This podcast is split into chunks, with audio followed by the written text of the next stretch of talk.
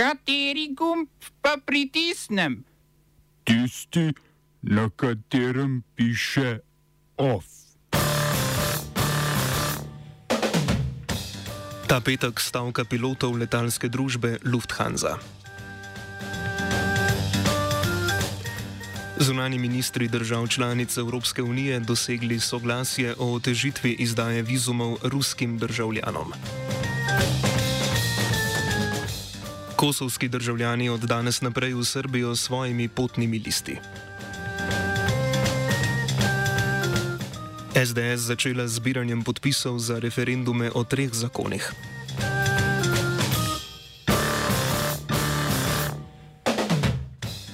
Piloti nemške letalske družbe Lufthansa bodo ta petek stavkali, je sporočil sindikat pilotov Cockpit. Za to potezo so se odločili, potem ko pogovori s predstavniki družbe niso prinesli sporazuma. Sindikat sicer zahteva 5,5 odstotno povišanje plač do konca leta, prilagoditev plačne lestvice in samodejno nadomestilo za inflacijo. Po oceni letalskega prevoznika bi zahteve sindikata povečale stroške za 40 odstotkov oziroma za 900 milijonov evrov. Lufthansa je imela v prejšnjem letu sicer okoli 17 milijard dobička, 24 odstotkov več kot leta 2020. Enodnevna stavka pilotov naj bi prizemljila okoli 800, let, okoli 800 letov, so sporočili iz Lufthansa.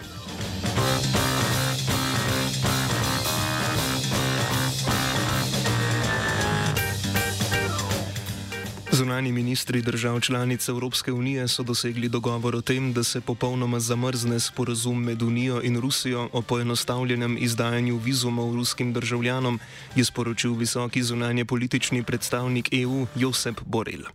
Doslej je bil postopek pridobitev vizuma otežen za določene državljane Rusije, kot so uradniki in poslovneži, ponovem pa ne bo veljal za nobenega ruskega državljana. Več o dogovoru pove Petr Žerjavič, dopisnik časopisa Delo iz Bruslja.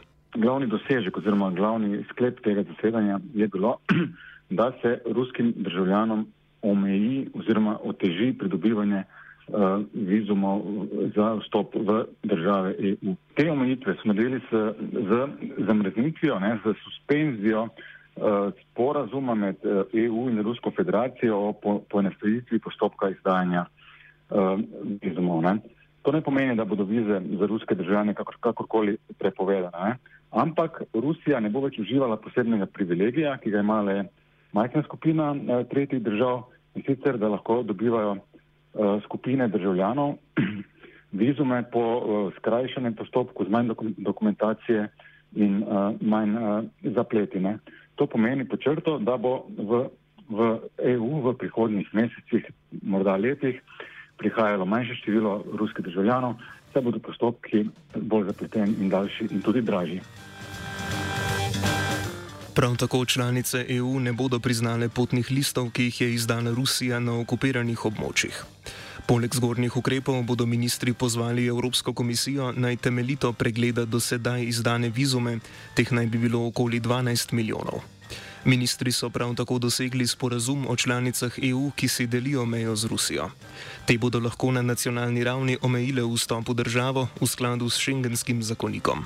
Po mnenju Borela bo daljši postopek, ki ga predvideva sporazum, omogočil, da bodo lahko države članice vizume izdajale po temeljiti preučitvi vsakega posameznega primera. Več o prekinitvi sporazuma med EU in Rusijo danes ob 17. v offsajdu.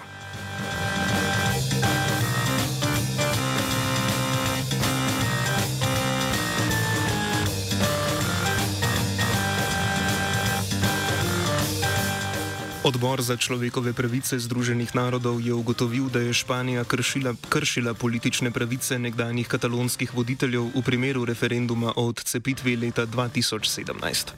Odbor je v poročilu pojasnil, da španska vlada katalonskih voditeljev ne bi smela odstraniti z položajev, preden so bili obsojeni. Poročilo se nanaša na pritožbo štirih katalonskih politikov, Uriola Junquerasa, nekdanjega podpredsednika regionalne katalonske vlade, ter nekdanjih regionalnih ministrov Raula Romeva, Josepa Rula in Jordija Turula, ki so jo sprožili pri odboru za človekove pravice. Vsi so bili zaprti zaradi upletenosti v izvedbo referenduma. Špansko ustavno sodišče je referendum razglasilo za neustaven in neveljaven, četverica pa je bila odstavljena že pred razsodbo in obtožena upora. Zaradi poskusa odcepitve je bilo obsojenih 12 ljudi, od tega 9 na zaporne kazni. Lani so sicer vse pomilostili, vendar jim je še vedno prepovedano opravljati politične funkcije.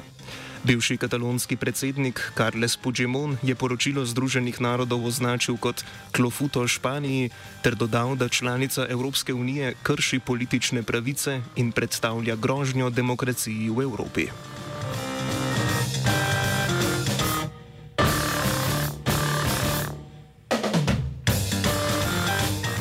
Ob polnoči je začel veljati dogovor med Srbijo in Kosovom, po katerem državljani Kosova lahko vstopajo v Srbijo s kosovskimi osebnimi dokumenti.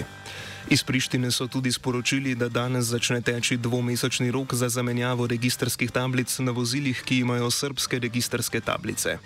Državljani Kosova bodo v Srbijo lahko vstopili brez posebnih vstopno-izstopnih dokumentov. Kosovo pa v zameno ne bo prepovedalo vstopa srpskim državljanom s srpskim potnim listom.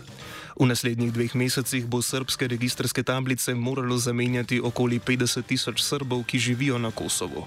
Ob menjavi tablic se je obregnil tudi srpski predsednik Aleksandar Vučić in dejal, da Kosovo s prisilno zamenjavo registrskih tablic ne bo imelo veliko uspeha. Gre sicer za povratni ukrep, saj menjavo tablic zahteva tudi Beograd. Kosovska vlada je ukrep nameravala uvesti že 1. avgusta letos, vendar ga je zaradi napetosti na meji odložila.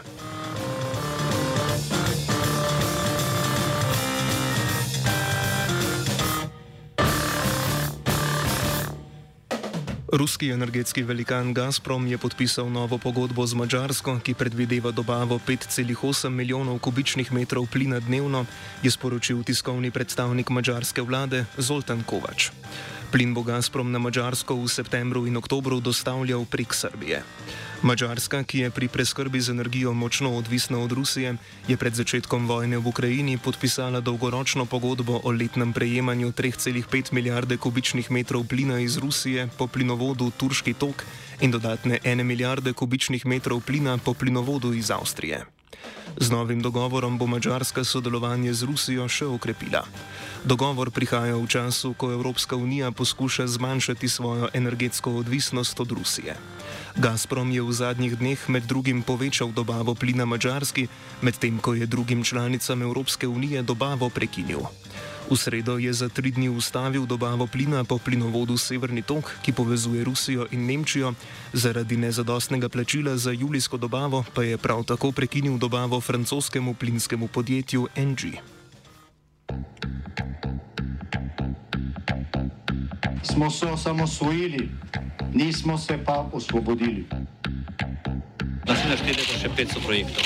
Izpiljene modele, kako so se strani nekdanje LDS rotirali. Ko to dvoje zmešamo v pravilno zmes, dobimo zgodbo o uspehu. Takemu političnemu razvoju se reče udar. Jaz to vem, da je nezakonito, ampak kaj nam pa ostane? Brutalni obračun s politično korupcijo. To je Slovenija,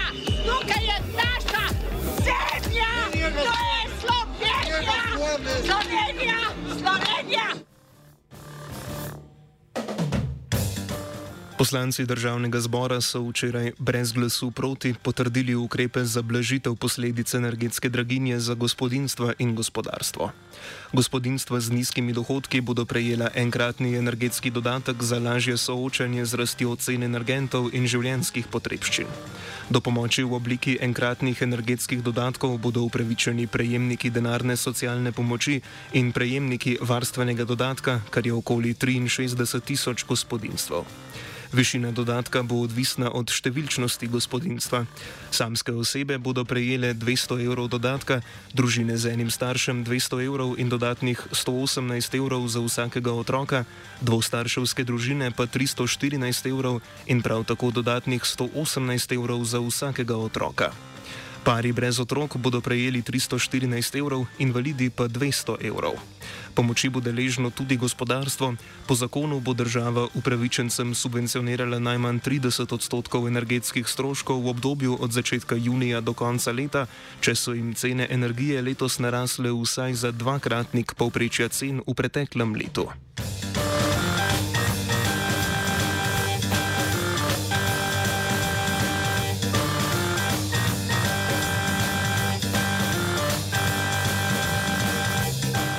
Slovenska demokratska stranka je začela zbiranjem trikrat po 40 tisoč potrebnih podpisov za razpis zakonodajnih referendumov o predlogu sprememb zakonov o vladi, RTV Slovenija in dolgotrajni oskrbi.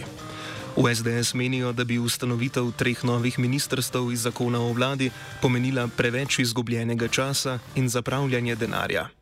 Prepričani so, da gre pri noveli zakona o RTV, s katerim želi vlada urediti vodenje, upravljanje in nadzor RTV Slovenija za obglavljanje RTV, saj bi s tem zakonom zamenjali direktorja ter programski in nadzorni svet. V SDS imajo zdaj za zbiranje podpisov na voljo 35 dni do 5. oktobra.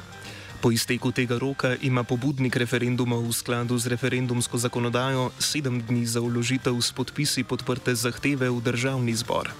Če je ta popolna, ima na to državni zbor še sedem dni časa, da z odlokom razpiše referendum. Od dneva razpisa referenduma do dneva glasovanja ne sme preteči manj kakor mesec dni in ne več kakor leto dni. Točen dan izvedbe še ni znan. V stranki SDS so naklonjeni skupni izvedbi referendumov z jesenskimi, bodi si lokalnimi, bodi si predsedniškimi volitvami. Proti temu sta tako premijer Robert Golob kot predsednica državnega zbora Urška Klakočar Zupančič. Ta je predlagala, da se referendumi izvedejo v enem dnevu, ki ne sovpada z volitvami.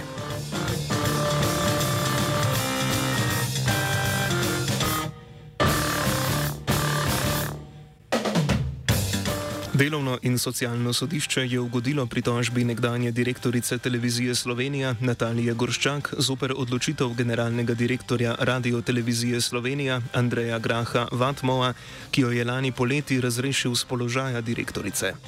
Gorščak je bila junija lani razrešena z položaja, ker ni izvršila navodil generalnega direktorja naj preveri vzroke za manjšo gledanost programov nacionalne televizije.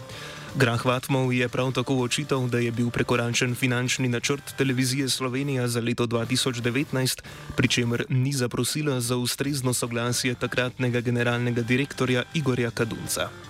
Poleg tega jo je okrivil, da ni preverjala večletnega sodelovanja televizije Slovenija s podjetjem Sport Media Focus, ki je v delni lasti soproga Manice Janežič Ambrožič, ki je takrat opravljala delo odgovorne urednice televizijskega informativnega programa. Gorščak je ustrajala pri trditvi, da je bila njena razrešitev posledica tega, da sama ni razrešila manice Janežič Ambrožič.